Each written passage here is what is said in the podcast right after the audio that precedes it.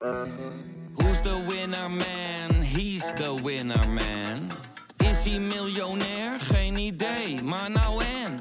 Je hebt geen jackpot nodig to be a winner man. Oh oké, dat is wel lekker man.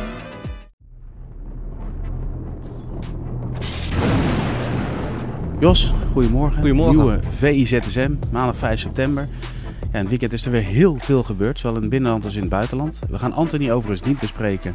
Straks op YouTube een uitgebreide video eh, met Matthijs en Sleeman over Anthony en zijn debuut. Oh ja, dus daar moet- komen we later op terug. Moet ik mensen even wachten. Precies, goed. dus wat ik met jou wel graag wil bespreken is eigenlijk de Eredivisie. En laten we even een rondje ja, langs de Eredivisievelden maken. En dan beginnen we met Ajax. Ehm, ja, eenvoudige zegen. En is Bergwijn te goed voor de Eredivisie? Ja, ik denk eh simpel antwoord, ja. Daar kan ik heel kort over zijn. eh, wordt het misschien een hele korte uitzending van de VZSM.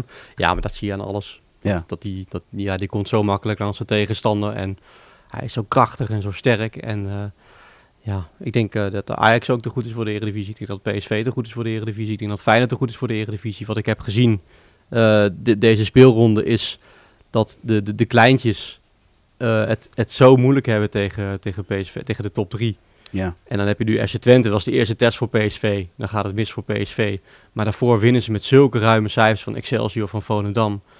En eh, ik, vond, eh, ik zag een interview met Henk de Jong, Cambuur-trainer na eh, Ajax Cambuur. ja. En die zei dat best wel treffend. Die zei van ja, Ajax heeft voor 200 miljoen aan spelers verkocht. Wij hebben een budget voor alles. Spelersbudget, kantinebudget, weet ik wat, voor 4 miljoen. Dus dat is 2% van wat Ajax verkoopt in één transferzomer. ja. Hij zegt van ja, eh, dan, dan ben ik blij dat het hier maar 4-0 wordt. Nou, dat zegt natuurlijk wel alles over de verhoudingen in de Eredivisie. Ja, waarbij hij ook geleerd heeft van eh, vorig seizoen, hè? Ja, natuurlijk, eh, hij heeft wat dingen aangepast en het wordt nu geen 9-0. Maar je kunt zeggen dat de verhoudingen gewoon compleet zoek zijn in de Eredivisie. En ja, dan, daar hoort een Bergwijn bij, die is gekomen. Maar ook een Bessie, die vind ik echt al weken op rij uitblinken in de defensie. En er ging, eh, volgens mij vorige week ging een video viraal van hem hoe hij terugsprintte. Nou, dat deed hij tegen Cambuur, deed hij dat gewoon drie keer met, eh, zonder eh, enige moeite. Eh, ja, het krachtsverschil was ontzettend groot. En eh, er zijn natuurlijk wel mensen die zeggen van ja, Cambuur kreeg de eerste kansen, de beste kansen. Ja. Eh, maar ook al scoren ze twee keer, dan heb je het gevoel van dan scoort Ajax van zes keer. Die waren precies. gewoon zo dominant. Ja, je noemt Bessie, hè? En eh, je roemt dan zijn verdedigende kwaliteiten, dat hij inderdaad heel snel is. Eh, op voorhand waren er wel wat twijfels over hoe, nou, hoe is hij in balbezit, dus aan de bal. Wat is daar eh, jouw indruk van? Ja, dat, dat is inderdaad wel een, een, een terecht punt. Je ziet dat hij nog onwennig is. Maar ja, dan heeft hij massa dat hij op dit moment Deli Blind naast zich heeft staan. Dus dat zag je ook wel tijdens de wedstrijd. Dat hij eigenlijk zo snel mogelijk die bal aan Deli Blind gaf. En dat was voor mij twee weken geleden trainer Alfred Schreuder. Die herinnerde er ook aan van... Hij speelde toen de bal ietsje snel lang. Ja. En toen zei hij, eh, zei hij tijdens de persconferentie... Ja, toen heb ik ook tegen hem gezegd van... Je kunt beter die bal aan Deli Blind geven. Ja, dan zet, dan zet je wel spelers in hun kwaliteit. Als je Bessie laat verdedigen, heb je een top, topspeler. En misschien op dit moment is het voetballend nog niet fantastisch. Alhoewel die ook wel weer goede dingen liet zien tegen Cambuur. Maar goed, eh, daar, daar kan hij aan wennen op dit moment. En zeker in de Eredivisie met ja, dusdanig weinig tegenstand eh, kun je daar mooi mee oefenen. Ja, dan gaan we naar Feyenoord. Een, eh, we kunnen wel zeggen een spectaculaire wedstrijd in Deventer. Ja. Ehm, nou, laten we straks de wedstrijd even kort pakken. Van de Vaart bij Studio Voetbal. Die is onder de indruk van Arne Slot als trainer. Ja, die, hij heeft er wel heel snel weer een, eh, een team van gemaakt. Ik bedoel, hij Ja, heeft echt een nieuw team, hè? Want hij is nogmaals hij is heel veel spelers Het is kwijtgeraakt. compleet Helemaal nieuw team. begonnen. En je ziet al echt patronen terug in het elftal van, eh, van Slot. Ja, dat is heel knap. En ook gewoon heel veel nationaliteiten heb je, heeft hij erbij gekregen. Eh, nieuwe spelers die je moet inpassen. En ja, eh, Slot is een veel eisende trainer met een bepaalde structuur. Dan is het niet zo makkelijk om je als nieuwe speler in te voegen. En zeker niet als het er 15 zijn of zo. Hij heeft gewoon anderhalf elftal nieuw gekregen. Ja, Eh, dat heeft hij heel goed gedaan. En je zag ook tegen Go Eagles... eh, eh, het klinkt misschien gek, maar hoe ik mijn verhaal begon met... Feyenoord is misschien te goed voor de Eredivisie. Ze kwamen al 2-0 achter tegen Go Eagles. Maar ja, hoe makkelijk komen ze terug? Wordt het 2-4 en dan heb je alsnog het gevoel van... Oké, er was geen paniek. Dat zag je bij de spelers van Feyenoord ook. Totaal geen paniek. Die hadden wel het idee van dat komt nog wel. ja. Nou, en dat, dat gebeurde. Maar goed, als je dan zegt, je, je gaf aan Ajax goed voor de Eredivisie, PSV te goed voor de Erediv- Eredivisie en eh Feyenoord goed voor de Eredivisie. Hoe groot is dan het verschil onderling? Ja, dat gaat nog blijken. Hè? Dat is eh, de Johan Cruijffschaal vind ik altijd een moeilijke graadmeter. Dat is toch aan het begin van het seizoen. Dus we moeten gaan wachten op de eerste toppen tussen die twee ploegen, eh, tussen die drie ploegen. Ehm, dat, wordt, dat wordt een hele interessante krachtmeting. Maar je kunt gewoon duidelijk zien ook Feyenoord gaat nu mee in dat transfergeweld. Die hebben ook eh 70 miljoen opgehaald aan spelers verkopen. Dat gaat ook steeds meer. Die hebben hun recordbedrag gehaald voor Sinistera. Die verkopen Marco Senesi voor heel veel geld. Dus die gaan ook steeds meer kunnen besteden. Maar toch, als je kijkt naar eh, Van Nistelrooy heeft een, een ploeg die al enige tijd intact is. In ieder geval een, een groot deel van de ploeg. Eh, Ajax heeft datzelfde, natuurlijk ook wel wat aanpassingen. Slot begint echt helemaal opnieuw. Heeft ook een andere portemonnee dan eh, Van Nistelrooy Mhm. en eh, Schreuder. Denk je dat ze dichterbij kunnen komen? Dichter bij Ajax en PSV. Ja? Ja, dat denk ik wel.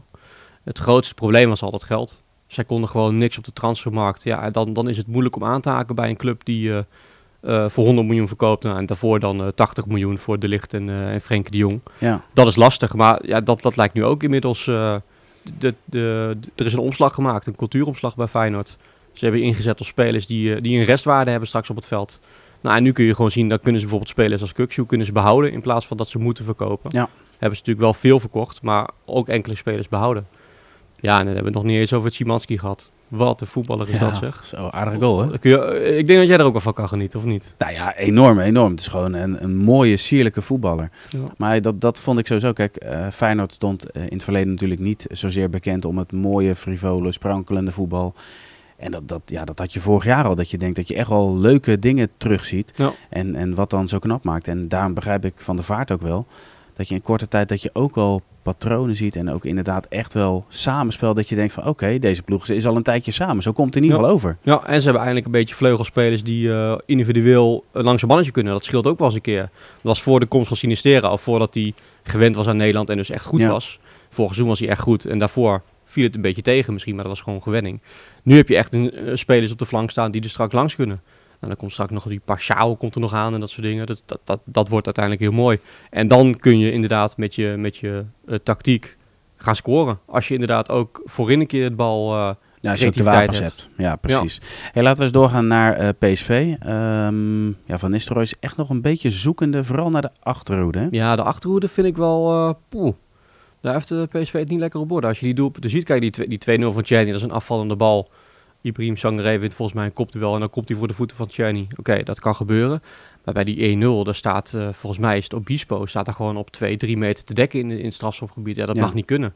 Dus ja, daar, daar mis ik wel zeker. Maar eh, zit het dan in samenstelling, Jos? Want, want individueel Ramaljo vorig jaar geroemd, goede centrale verdediger. Obispo echt een groot talent, ook een goede centrale verdediger. Waar zit dat dan precies in? Nou, dat vind ik moeilijk om daar eh, de vinger op te leggen. Op, op waar, de, waar, de problemen liggen bij PSV. Individueel was het inderdaad vorig seizoen prima. En dit seizoen eh, lijkt het er om een van de manier in te zitten. Ik weet niet goed waar het aan kan liggen. Moet ik heel eerlijk toegeven. Eh, kan ik niet goed zien op dit moment. Nee, want hij Van Nistelrooy, ja, die heeft natuurlijk wel zijn eigen speelwijze daar op losgelaten. Hij is niet hetzelfde doorgaan als eh, Smit in dit geval. Maar zijn die veranderingen dan zo groot, waardoor de achterhoede vaker in de problemen komt? Nou, dat lijkt me niet. Want je hebt nog steeds Sangaré als breekijzer voor je, voor je defensie Dat verandert staan. niet inderdaad. Nee, inderdaad. Dus dat, dat, dat is gewoon lastig te duiden. Eh, misschien eh, valt er gewoon het balletje ook precies goed. Kijk, want eh, FC Twente was echt herenmeester in de eerste helft tegen PSV. Maar in de tweede Ja. helft zie je ook weer, dan gaat PSV aanzetten. Krijgt FC Twente het moeilijk. Ja, en dan is, dan is het eigenlijk, heeft Twente nog geluk dat, het, dat ze winnen met 2-1. Want er was nog een kopbal van die Romaglio op de lat. Ja. Daarvoor nog wat andere grote kansen. En dat, ik moest meteen denken met Sander Jansen, een collega van ons, die is wel redelijk goed met Photoshop. Die had dan een keer een, zo'n bakstenen muurtje achter Unestal ge- gefotoshopt. Van eh, de muur van FC Twente. En dat, dat zag je ook alweer. Een Goeie belangrijke keeper. hè? Ja, het- op het juiste moment. Ik vond, Gakpo werd na een tijdje weggestuurd. kwam die 1 op 1 met Unestal. En, eh, en hij wacht gewoon op het juiste moment. Ja. Hij ziet van, precies, die bal gaat verkeerd aangenomen worden of iets vooruitgespeeld wordt. Dan kan ik uitkomen. En dan heb ik zo groot mogelijke kans om die eh, redding te maken. Ja, dat vind ik wel dat vind ik knap. En, Ja, en je had ook een moment dat hij, dat hij ver uit zijn doel verdedigde. En dat is natuurlijk iets wat Smit natuurlijk heel graag wilde. Een Mhm. keeper die en meevoetbalt, maar ook ver uit zijn doel eh, verdedigt. Dat deed dus ook goed. En soms denk je dan wel van ja, hoe is het in godsnaam mogelijk dat dat geen succesvol huwelijk is geworden? Ja, bij PSV zagen ze het blijkbaar niet. Ik weet het niet. Heeft het eh, te maken met vertrouwen misschien? Ja, dat weet Nou ja, de- ik denk dat het vooral te, te maken heeft met wat verwacht een trainer van een keeper. Mhm. En kan die daar direct aan voldoen of kan die daar in, op korte termijn aan voldoen? Ja. ja, dat zou goed kunnen inderdaad. Dat, dat FC Twente denkt van, hey, eh, het belangrijkste is ballen tegenhouden. En bij PSV denken ze toch meer van, hey, je moet ook meevoetballen. Ja. Eh, ja, als je dat gaat vragen van een keeper die er nog niet comfortabel mee is, dan is het inderdaad, dan, dan is het opeens logisch dat het geen huwelijk wordt, geen goed huwelijk wordt. Nee, precies. Ehm, ja, dan gaan we naar de rubriek meest gelezen. VI.nl en Pro. We beginnen eh, op VI. Ja, dat Ten Hag kwam goed weg met het VAR-momentje. Ja, weet ik. ik ja, ik heb heel veel besproken hoor. Ik had eh, de VI Live op, eh, op de zondag. Ja, even voor uitleggen, de VE Live houdt in, jij kijkt eh, alles wat er, wat er gebeurt. Dus je hebt, je hebt negen schermen voor je. Je ziet Eredivisie, Premier League, La Liga, alles zie je tegelijk. Ja. En daar eh, pik je eigenlijk de krent uit. Dus eigenlijk de belangrijkste gebeurtenissen deel jij in de VE Live. Dus Ja. wil je van alles op de hoogte zijn, dan moet je bij ons op de website zijn. En vanuit die Ja. VE Live, wat je, wat je voorkeur heeft, maar je krijgt alles mee. Ja, Dat klopt. is het, en dan wordt er ook eh, in de comments wordt er altijd veel gediscussieerd over momenten. En natuurlijk wordt dan het VAR-moment eh, Ja. meegepakt. Ik denk, weet je wat, daar haak ik op in. Ik maak even een bolletje aan. Is de goal terecht of onterecht afgekeurd? Wat Ja, vind jij? Eh, terecht, uiteindelijk. En ik, ik zeg te vaak, te vaak, sorry, ik ben Arsenal-fan, maar ik zeg zelfs terecht. Weet je, het is gewoon een overtreding. En tijdens een wedstrijd zou je er niet voor fluiten, maar ik vind juist, je hebt nu de VAR hiervoor, ehm, dat er komt een doelpunt uit. Ja, en dan is het eigenlijk onrechtmatig dat Ar- Arsenal de bal krijgt. Ja, de discussie is vaak, hoe, hoe ver moet je teruggaan? Ja, in dit geval vond ik, eh zat niet super lang tussen de overtreding en het doelpunt. Volgens mij, Eudegaard verovert de bal, iemand anders pikt op, stuurt Martinelli weg en het wordt een doelpunt. Ja. Dus er zat niet heel veel tijd tussen. Je zegt ook eigenlijk, het is een één actie. Dus zou het eh, rechtsgeldig moeten zijn om hem af te keuren. Inderdaad. Ja, Stel ik- dat ik er iets tussen gebeurt, Mhm. een ingooi of een vrije trap of, of ja, iets in, in die trant, dan zou het niet zo Voor mij is moeten dat ook de regelgeving. Dan ontstaat er een nieuwe situatie. Dus dan is het Ja. inderdaad, dat geldt daarvoor inderdaad niet meer. Nee, dat klopt inderdaad. Ja. Maar Eh, waarom gaat het dan, ehm nou ja, weet je, ook diverse oud-voetballers in Engeland, die dan tekeer gaan van, ja jongens, kap er gewoon mee, want dit is voor sommigen dus wel, al wel te ver terug. Ja, Die willen hem wel. eigenlijk alleen met de lijn, een buitenspel, eh, wel of geen hands in de 16, Mhm. dat soort zaken willen ze hem hebben. Ja, de, de pundits waren weer fel. fel. Michael Owen zag ik was totaal Ja. niet mee eens. Alan Shearer, eh, Gary Lineker. Eh, ja, maar dat zijn nog wel mensen die zeggen van ja, Engels voetbal, dat moet lekker hard zijn, dat moet fel zijn. Maar ja, als je kijkt, die bal heeft Martin Eudegaard nooit geraakt in het duel met Eriksen. Nee, Dus ja, dan, wat moet je dan zeggen? Het is gewoon onregelmatig iemand van de bal zetten. eens. En als er dan een doelpunt uitkomt, ja. Is was- het de eeuwige discussie tussen de charme van het voetbal en eh, de hedendaagse techniek? Hmm. Of in ieder geval de mogelijkheden? Vind ik wel heel mooi gezegd. Heel ehm, goede uitspraak. Dank je. Ik weet niet of het helemaal opgaat. Want je, je moet gewoon kijken naar die grote fouten. Dat, dat is gewoon het Ja. belangrijkste. En dan moet je gaan bestempelen van, was dit een grote fout? Nou, ik vind wel, want het is een overtreding en daarna komt er een doelpunt uit. Ja, lo- los van. ehm, nu heb je met woorden. Gewoon, sec, laat maar zeggen. Hoe kijk jij daarna? Ben jij fan van de VAR, ja of nee? Ja. En waarom ben je fan? Omdat het eh, grote fouten eruit haalt. Ik, zou, ik vind, eh, in elk seizoen krijg je doelpunten tegen of doelpunten mee met voordeel. En nou, ja, dat heft zich naar elkaar op. Dat Ja. heft zich in een seizoen heft zich dat op. En ja, de ene club heeft in een seizoen misschien wat meer geluk dan de ander met de VAR. Eh, maar ik, ik kan me niet voorstellen dat de VAR daar voor de grap zit en denkt van... Ah, weet je wat, nu ga ik wel ingrijpen, nu ga ik niet ingrijpen. Die is ook gewoon... eh, eh, die, die is, hoe noem je dat, onbevooroordeeld. Ja. Waarom blijven we dan toch in die discussie komen? Want Ik deel jouw mening hoor. Ik ben ook eh, voorstander van de VAR. Sterker nog niet alleen eh, om het eerlijk te maken, maar ook het, ik zie het ook wel als een spanningselement. Dat, eh, nou, je kan alle, we kunnen allebei nog Ajax of Real Madrid Ajax herinneren. Van ja, wat gaat er gebeuren? Dus er is een bepaalde stilte in het stadion. Mhm. Je, sta, je zit ook voor de televisie van, nou, wat, wat, wat gaat hier aan de gang? En natuurlijk, het duurt soms wel eens lang. Maar het spanningselement vind ik een leuke toevoeging als je kijkt voor, ja, het is toch een entertainmentindustrie. Mhm. Maar dan nog, het is, maakt de sport eh, vooral eerlijk. Maar ik blijf toch wel ja, verbaasd over het feit dat er zoveel tegenstand nog is.